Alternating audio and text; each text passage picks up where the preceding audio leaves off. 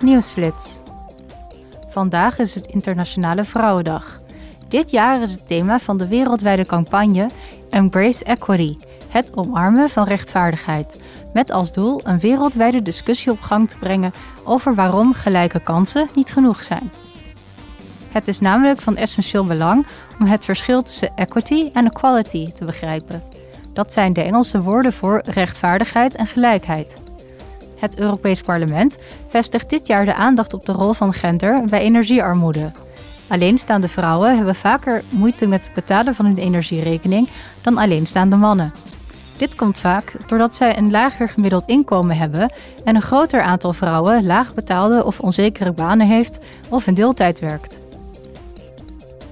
Deze week hebben de leden van de Begrotingscommissie en de Commissie Economische en Monetaire Zaken van het Europees Parlement de uitvoering van het InvestEU-programma besproken, dat twee jaar geleden tot wet werd.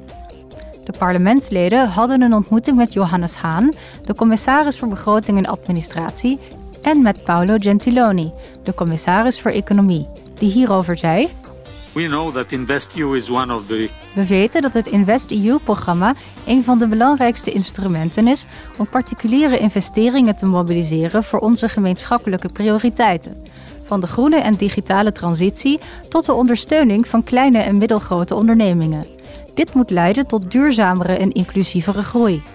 Het InvestEU-programma is breed toegankelijk en kan daardoor cruciaal zijn om de industriële voorsprong van de EU te vergroten bij de productie van schone technologie.